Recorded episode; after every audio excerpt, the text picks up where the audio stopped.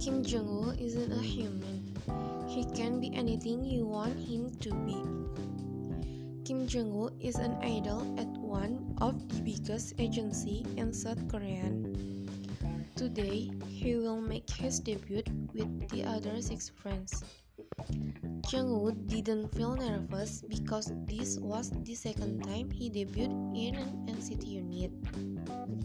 Besides, because he is a metamorph, Jung-woo is one of the metamorphs in the group because he has to take care of one of the algal members who want to absorb the negative energy of the member.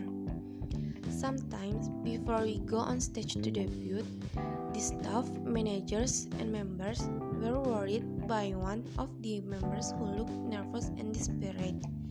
So he released a negative energy that lured on of the algal to come. Jungwoo, who knew that want to help Lucas.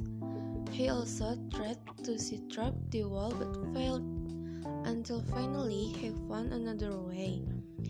He hid in one of the staff room, then took the cat hair that was on the coat of one of the staff and swept. He also transformed into a cat in one corner of the dim light. After that, Jungwoo ran towards the other side of the wall where Lucas was.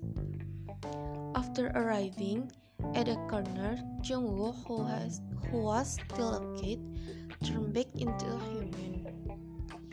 After he met the algal, a black mist appeared which was getting thicker because of Lucas' growing feeling of despair.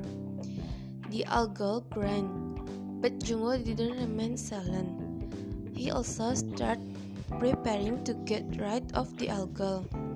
Jungwoo took a step back, then took a deep breath with his eyes focused on the algal, then stomped his feet with all his might. And bam! Sound of pounding feet echoed in the dark room, masking and the popping sound released by the algal's body exploding without a trace. Afterward, Jingwoo Jungwoo blew the air so that the black mist all over the room collected, then pushed it against the wall to return it to Lucas.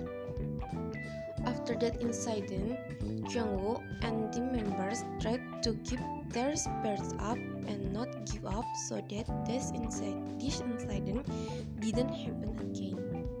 Thank you.